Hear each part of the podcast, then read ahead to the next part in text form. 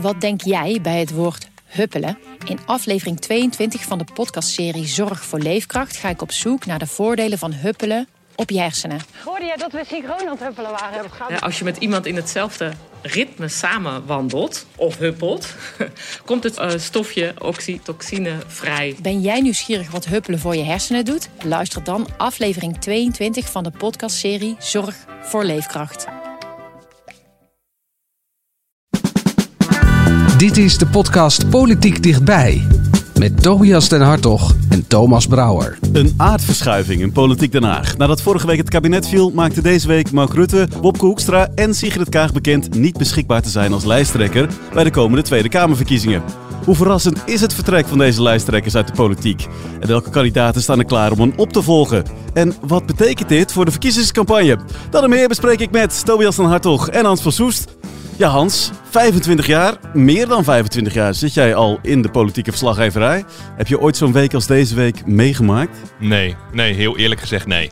Althans, natuurlijk wel nieuwsweken die heel intens zijn. Hè? Ik bedoel, uh, zeker in uh, 2002 rond uh, de moord van Fortuyn en de verkiezingen die toen volgden. Maar zoveel nieuwsgebeurtenissen achter elkaar in zo'n korte tijd kan ik me echt niet herinneren. Het is echt een kleine leegloop deze week. Ja, bizar. Echt in een duizelingwekkend tempo gaan alle mensen van het toneel. Ja, dat is echt, hier schrijf je normaal gesproken weken de krant over vol. En nu is het in één week allemaal. Ja, ja nee, sterker nog, dingen waar we normaal de krant over vol zouden schrijven, halen nu soms zelfs de nee. krant gewoon niet. Nee. Wat is dan iets wat het nu niet heeft gehaald? Nou, het vertrek van Pieter Heerma als fractievoorzitter van het CDA heeft nauwelijks aandacht gekregen. Ja, het is echt één, in de krant is het één regeltje in een ander verhaal geworden. Ja, ja. dat soort, dat soort ja. uh, wat, wat toch wel uh, ja, een van de architecten is geweest van twee kabinetten. Dus, Zeker. Uh, dat is wel bijzonder, ja. ja. Is het dan ook gewoon dat sommigen nog heel even wachten zodat ze een mediamomentje volgende week nog krijgen? Mm, het... het... Ik denk wel dat ze er rekening mee houden dat ze het niet allemaal uh, tegelijkertijd doen. Bijvoorbeeld Wopke Hoekstra, zal maandagochtend heel erg gebaald hebben. Dat hij uh, namelijk, hij had het dan gepland. Uh, hij had er van tevoren al bedacht van nou, ik ga me niet nog een keer verkiesbaar stellen. Toen viel het kabinet op vrijdag. Toen dacht hij dit weekend, nou weet je wat, ga ik het lekker maandag bekendmaken. Weet je wel, uh, schoonschip. dus hij, hij heeft een bevriend medium gebeld. staat een interview s ochtends in. Het is heel even headlines op, op alle sites. Maar een uur later uh, kondigde Mark Rutte zijn vertrek aan. En het, niemand ja. had het meer over Wopke Hoekstra. Dus ik denk wel dat hij er even van gebaald heeft.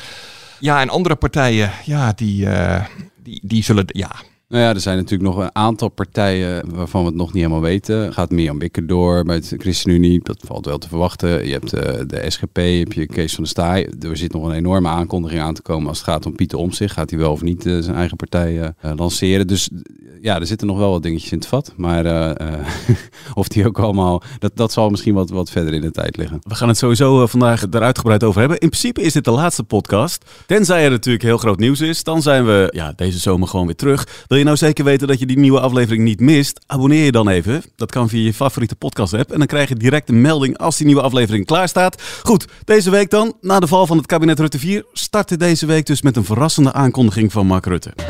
De aankondiging deed Politiek Den Haag op zijn grondvesten schudden. Mark Rutte keert niet terug als lijsttrekker van de VVD. Gisterochtend heb ik het besluit genomen dat ik niet opnieuw beschikbaar ben als lijsttrekker van de VVD. Bij het aantreden na de verkiezingen van een nieuw kabinet zal ik de politiek verlaten.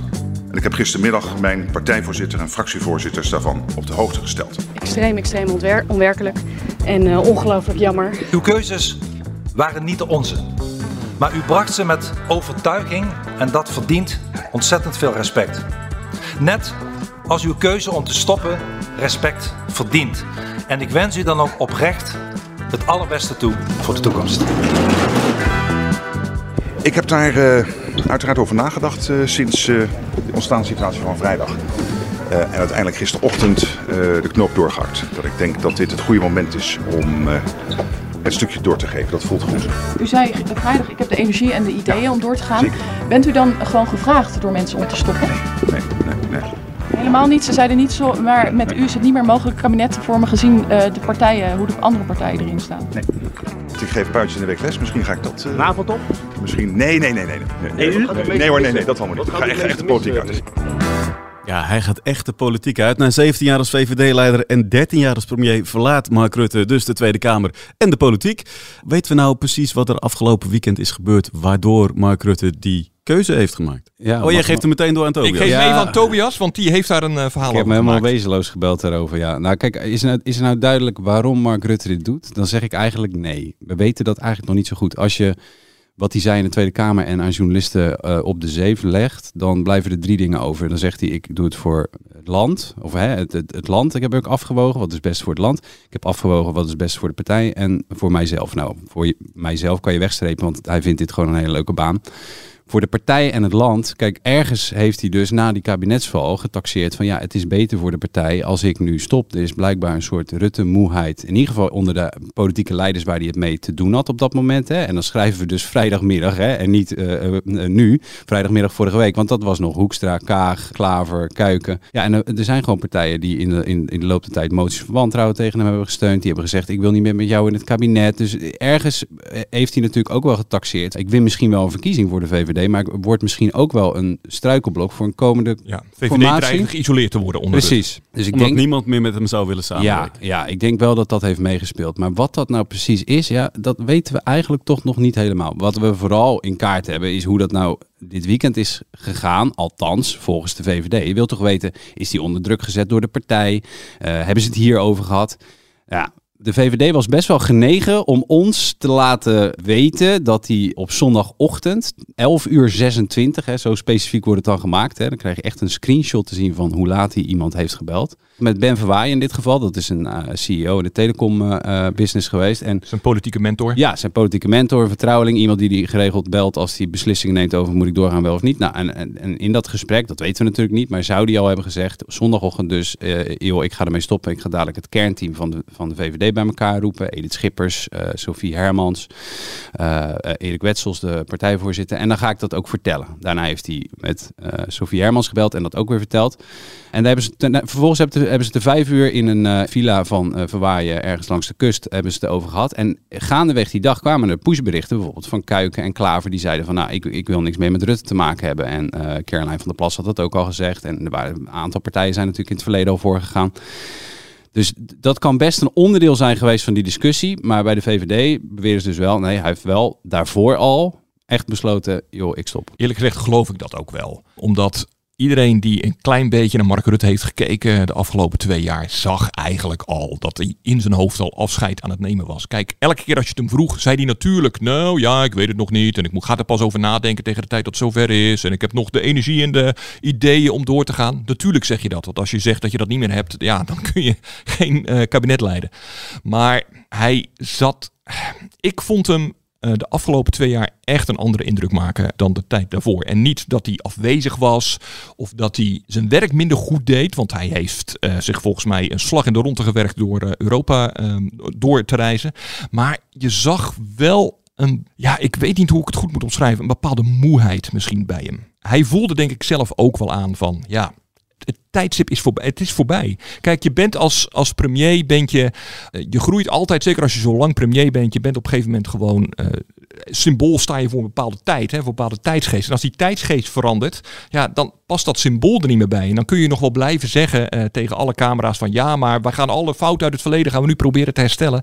Zo werkt dat niet. En Mark Rutte is strateeg genoeg, denk ik, om dat al heel lang geleden te hebben aangevoeld. Los van het feit overigens dat het best nog zou kunnen zijn dat er ook mensen in zijn eigen omgeving dat tegen hem hebben gezegd. Hè. Ik zie daar Edith Schippers bijvoorbeeld echt wel voor aan, dat ze dat heeft gedaan.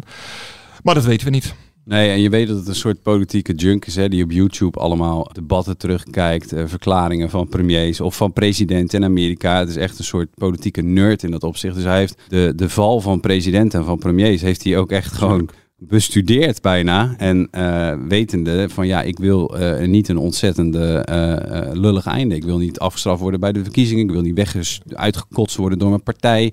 Ik wil niet weggestuurd worden door de Tweede Kamer. Dus ergens moet hij, hè, hij is toch altijd de man die controle wil. Ook hebben gedacht van ja, dit wordt mijn autonoom besluit. Ik hou de regie en ik doe het dus op deze manier. En hij heeft natuurlijk gewoon live meegemaakt hoe zijn voorganger dus net één verkiezing te lang doorging. Balkenende. Balkenende. Ja, ja. En eh, hij zal hebben aangevoeld, ja, Weet je, dat wil ik niet. Dat uh, blijft er nu in ieder geval bespaard. Hij gaat eigenlijk ineens met verrassend veel lof. werd hij ineens uitgezwaaid uh, afgelopen maandag. Het was eigenlijk wel een raar uh, debat. Want aan het begin van het debat, weet je wel, toen hing er een spanning in die ja. zaal. En al, die, al die oppositieleiders, die stonden er allemaal zo met een, met een vuistig. Oh, we gaan hem pakken, we gaan hem pakken. En toen zei hij.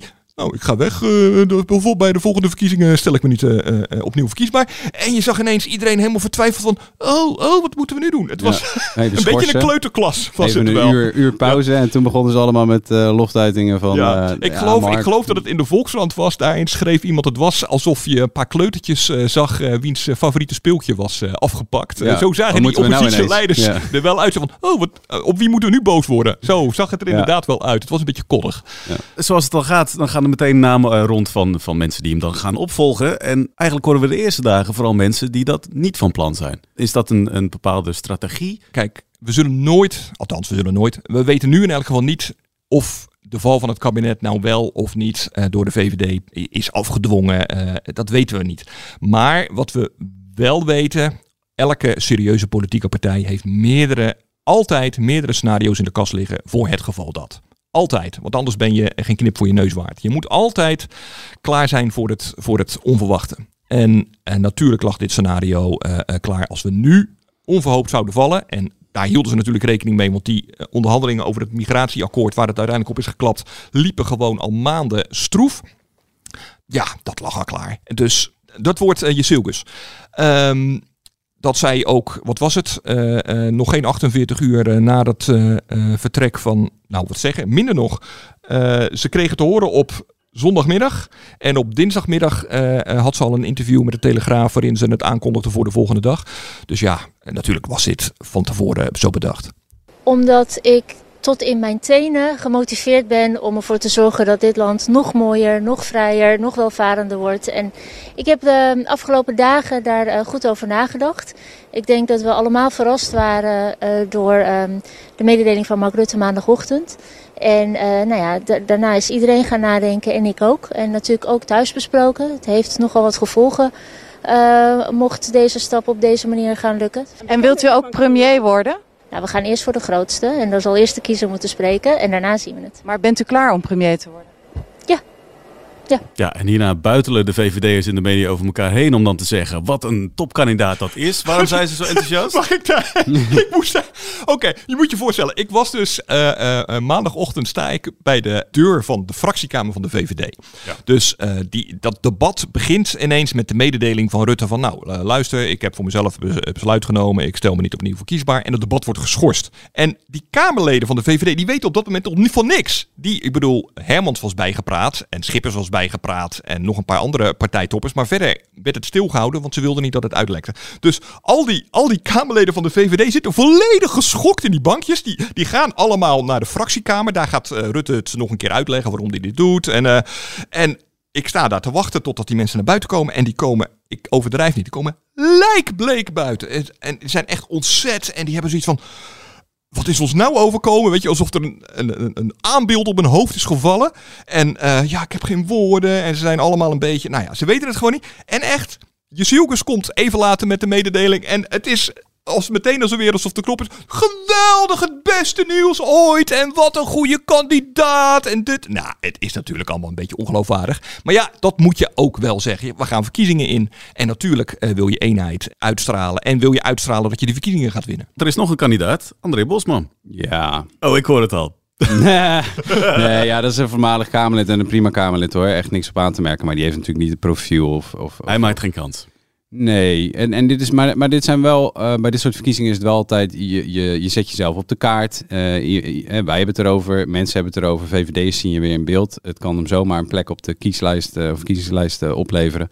Maar uh, nee, nee, dit, is, uh, dit wordt gewoon je zielkoers. Oké, okay, en als uh, Jesse Gus daadwerkelijk de nieuwe lijsttrekker wordt, betekent dat dan ook een koersverandering voor de VVD? Um, Zij staat bekend als rechtser dan ze, Rutte, hè? Ja, ze is rechtser dan Rutte. Dat is, kijk, we kennen haar vooral op het, op het veiligheidsdomein. En nu sinds kort, omdat ze die besprekingen leiden, ook over asiel. En daar is ze natuurlijk gezien haar achtergrond als vluchtelingen uit Turkije ook wel vaker naar gevraagd. Maar ze, is, ze heeft een, een, ja, een rechtsere signatuur dan eh, dan, eh, dan Rutte. En niemand kan gemist hebben dat, dit, dat asiel een belangrijk onderwerp is in Nederland. Dat Nederlanders eh, er wakker van liggen. Dat het drukt op de voorzieningen. Dat we echte vluchtelingen laten zitten.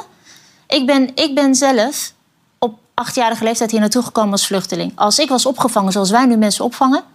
dan was ik die 40 jaar later echt geen minister geweest.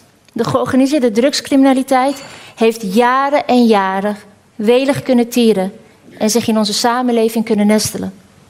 De waarschuwingen en de zorgen van mensen die dit zagen gebeuren zijn niet structureel en niet in samenhang opgepakt. En daar heeft ook mijn partij met de neus bovenop gezeten.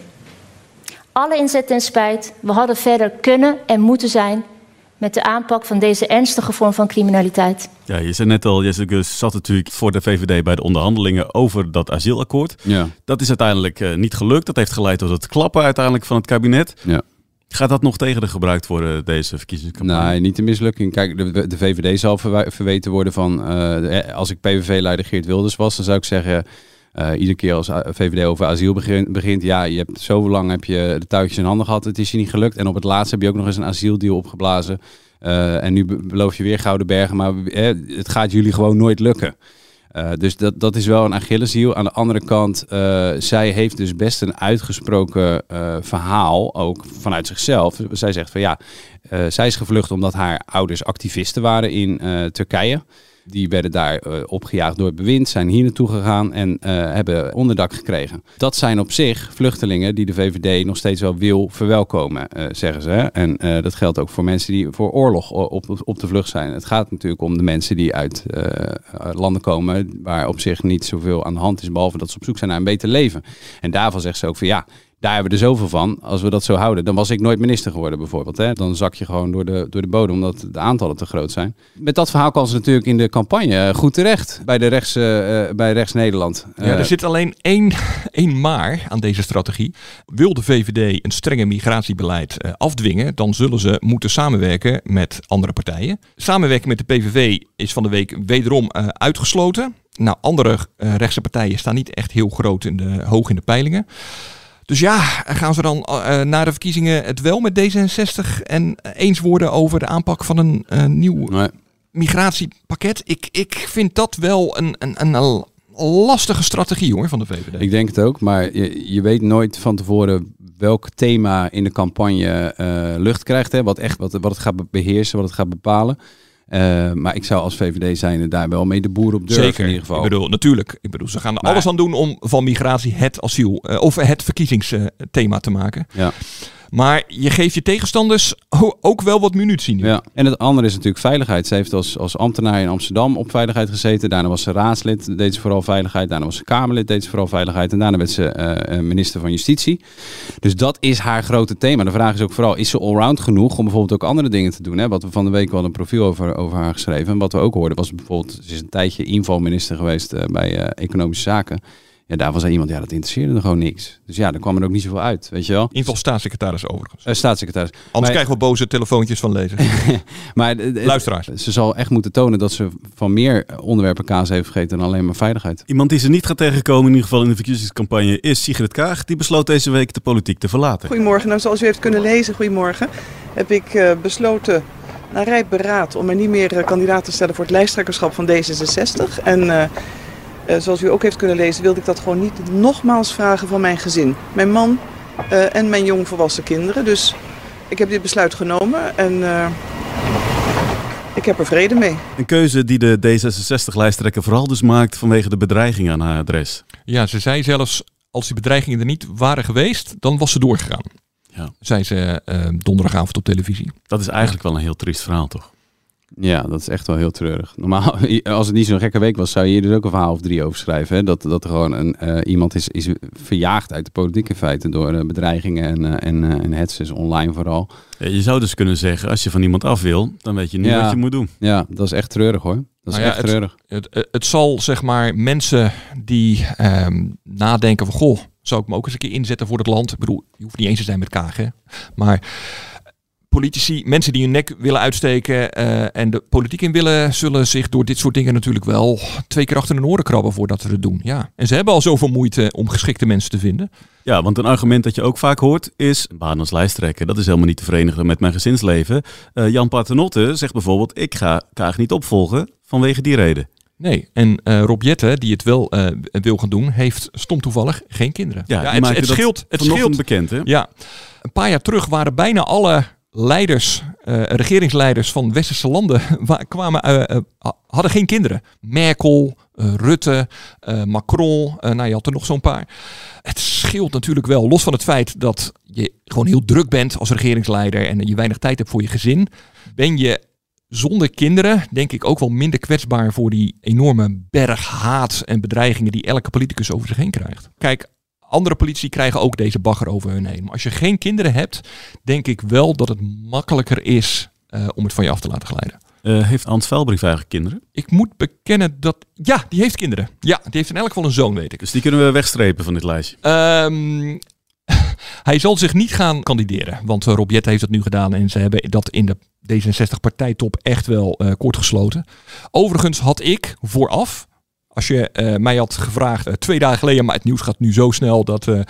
eh, twee dagen geleden, wie zou jij tippen als kandidaat voor opvolging Sigrid Kaag? Had ik Velbrief wel gedaan. Waarom?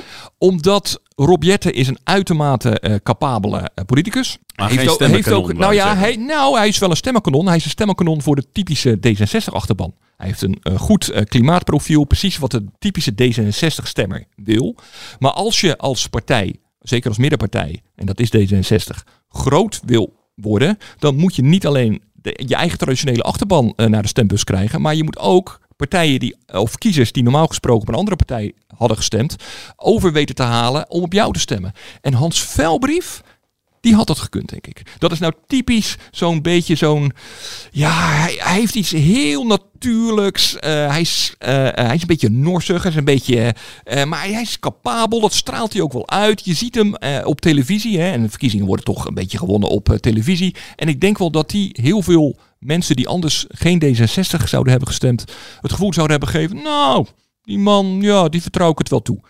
Dat is hem tenslotte in Groningen ook gelukt. Dus ehm, ik denk dat je met Hans Velbrief meer stemmen van andere partijen had kunnen winnen. Maar die wordt het dus niet. Of Jet het wordt, dat is ook nog even de vraag. Er wordt namelijk nog een lijsttrekkersverkiezing uitgeschreven. Maar ik zie aan jullie al. Nee, maar dat gaat wel worden- nou eh, ja, je hebt altijd die ene, ja, die ene de- man de uit... eh, taxichauffeur of- taxichauffeur uit Eindhoven, is ja, het toch? maar dit worden eh, eh, eh, Noord-Koreaanse uitslagen. Bij het CDA komt zo'n eh, interne verkiezingen dit jaar niet. Oh, waarom niet? Oh. Toch altijd zo Oh. leuk? Gaat altijd zo goed? Ja, Nou, dat is ook een goede ervaringen mee. Ja, sorry, dit is, cynisch. ja, dit is sorry, cynisch. cynisch, Nee, heel we moeten niet cynisch. worden, Ah. dat is flauw. Nee, eh, ik bedoel, die is natuurlijk enorm ontploft. Eh, wat is het? Drie jaar geleden of twee jaar geleden? 2020 was het, toch? Ja, 2020, Tussen zomer Hugo de 2020. Jonge en Pieter Omtzigt. Ja, nou ja, het rare was dus, en dat is altijd tragiek geweest van Hugo de Jonge. Hugo de Jonge, de wet nadat Sibrand Buma, de vorige CDA-lijsttrekker, eh bekend maakte dat hij ermee zou stoppen, eh, keek iedereen naar eh, het CDA en die zagen er waren twee kroonprinsen. Je had Wopke Hoekstra en je had Hugo de Jonge. En toen gingen al, weet je wel, al een half jaar, al eind 2019 kregen ze allebei de vraag van, goh, eh, komt er een lijsttrekkersverkiezing en ga je dan meedoen? En Hugo de Jonge heeft altijd gezegd, jongens, ik ben tegen een lijsttrekkersverkiezing. Dat maakt je partij kapot. Doe het niet, doe het niet. Hij zei het openbaar, hij zei het achter de schermen, hij zei het tegen wie het maar wilde horen. Alleen de partij eh, wilde het toch. En toen wilde de jongen eigenlijk zijn vinger niet opstreken. Want hij dacht, nou ja, laat Hoekstra het maar doen. Die vind ik, eh, eh, eh, die, die steun ik. En toen zei Hoekstra ineens, eh, nee, ik doe het niet. Gewoon volkomen onverwacht. Niemand had het zien aankomen in de omgeving van Hoekstra. En toen werd er een beroep gedaan op Hugo de Jonge. Nou, wil jij het dan doen? Nou ja, oké. Toen stelde zich kandidaat. Alleen toen waren er ineens allerlei andere CDA's die zeiden... ja, maar eh, die, eh, die jongen die vinden wij helemaal niet geschikt. Hè? Onder andere Pieter Omzicht. En toen kreeg je die bloederige lijsttrekkersverkiezing... die de jongen met, wat was het, 0,1% verschil won, geloof ik, van Was er nog een hoop gedoe over was een hoop gedoe. Toen heeft Omtzigt nog maandenlang tegen iedereen die het hoorde willen dat die verkiezing niet klopte en dat er was gesjoemeld met de uitslag. Ja, die man die, die heeft drie messen in zijn rug gehad eh, van allerlei andere CDA's. En die heeft dus al na, wat was het, vier maanden gezegd... weet je wat jullie doen? jullie mogen het weer terug hebben, dat lijsttrekkerschap. En toen is het alsnog uh, Hoekstra geworden. Maar nee, dat gaan ze nooit meer doen. Om even terug te komen op de vraag. Ja, nou, Hoekstra gaat het niet doen. Uh, Hugo de Jonge gaat het dus niet doen. Wie dan wel? Ja, dan is het even stil. En dan hoor je namen als uh, Dirk Boswijk. Harry Bontebal. Harry Bontebal. Mona Keizer wordt het niet, heeft ze Mona Keizer, nee, wordt, Mona het Keizer wordt het niet. Dus ja, dat is nog... Ontzicht uh, wordt het ook niet. Ik bedoel, er zijn nog steeds heel veel CDA'ers die... Die hem terug zouden willen. Ja, die echt hopen dat hij terugkomt. Maar dat heeft Omtzigt zelf uitgesloten. Nee, ja, dus wordt er ook niet vanuit CDA nu een soort verzoeningspoging? Nou ja, van de week hebben we er zelf nog wel natuurlijk over nagedacht. Want die hele CDA-top, die, die neemt afscheid straks. Hè. Hoekstra gaat weg, Heerma gaat weg, uh, de jongen verdwijnt. Dus eigenlijk zou je zeggen, er staat... De weg is vrij. De weg is vrij voor een terugkeer van Pieter Omtzigt, maar hij gaat het niet doen. Dat heeft hij uh, van de week nog laten weten via zijn woordvoerder. Hij gaat het niet doen. Gaan we dan deze zomer nog wel ander nieuws van uh, Pieter Omtzigt krijgen? Ja. Gaat hij zijn eigen partij lanceren? Nou, gaat hoe, hij bij, hoe bij dan ook, BBB aan de slag misschien? Hoe dan ook gaat hij bekendmaken wat hij doet. Uh, hij heeft overigens net zo goed, uh, ook deze week weer nog eens een keer door zijn woordvoerder uh, de wereld ingeslingerd. Ik ga me niet aansluiten bij BBB.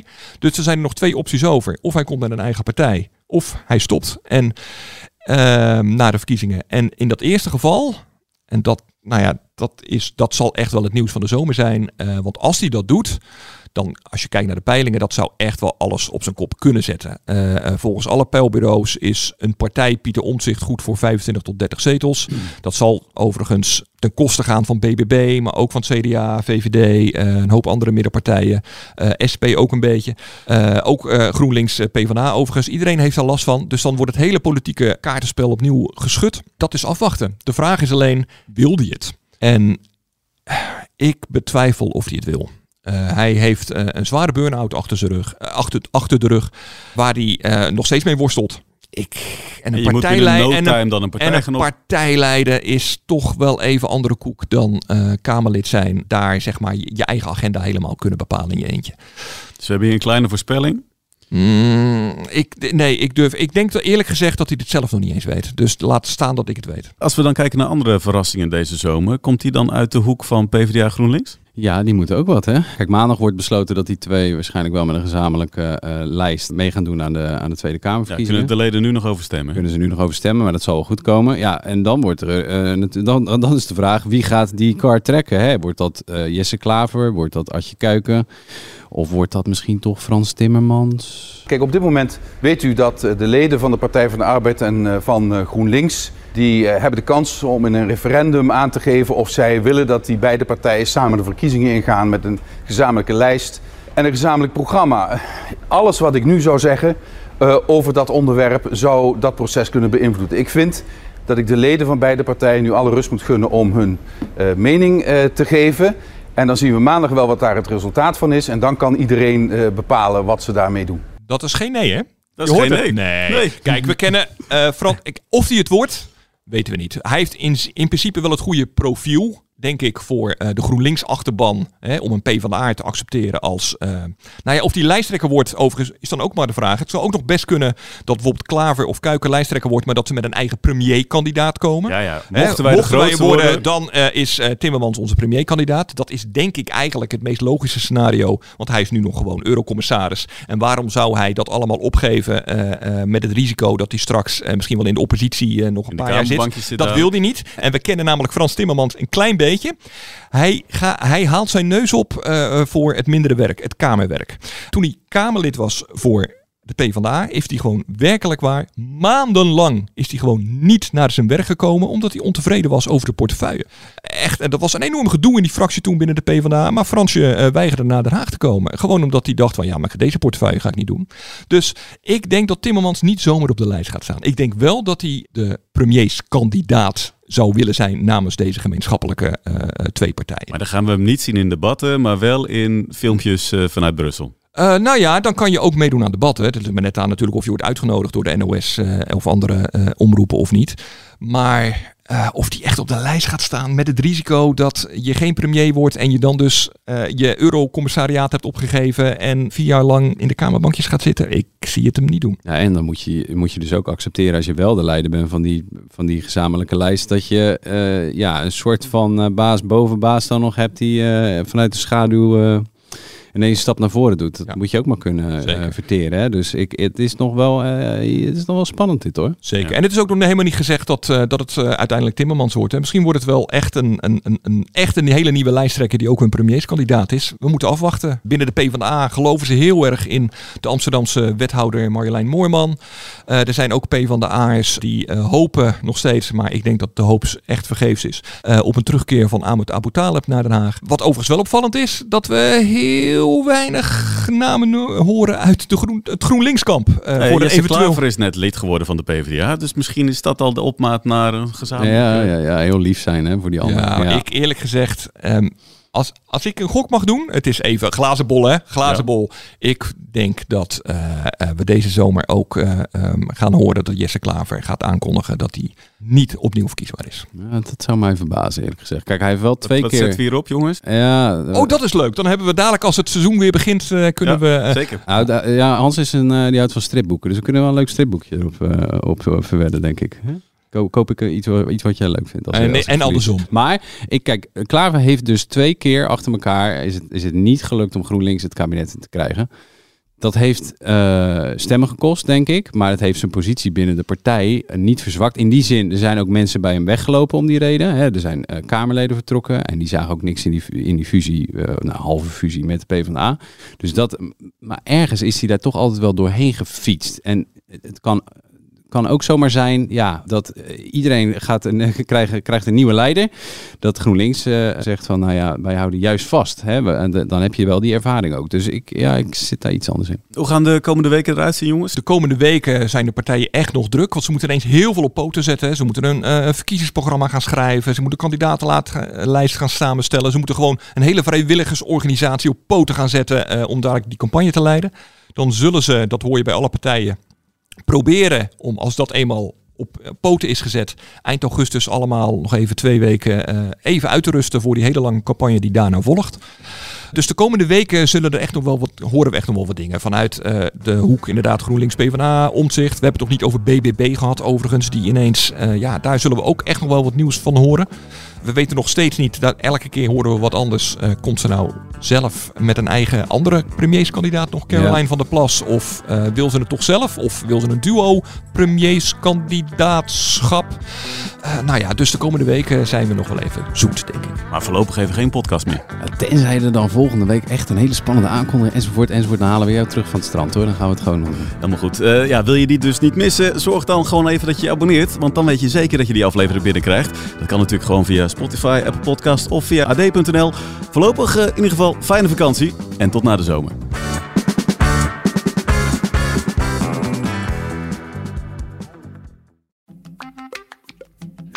Wat denk jij bij het woord huppelen? In aflevering 22 van de podcastserie Zorg voor Leefkracht ga ik op zoek naar de voordelen van huppelen op je hersenen. Hoorde jij dat we synchroon aan het huppelen waren? Ja, als je met iemand in hetzelfde ritme samen wandelt of huppelt, komt het eh, stofje oxytocine vrij. Ben jij nieuwsgierig wat huppelen voor je hersenen doet? Luister dan aflevering 22 van de podcastserie Zorg voor Leefkracht.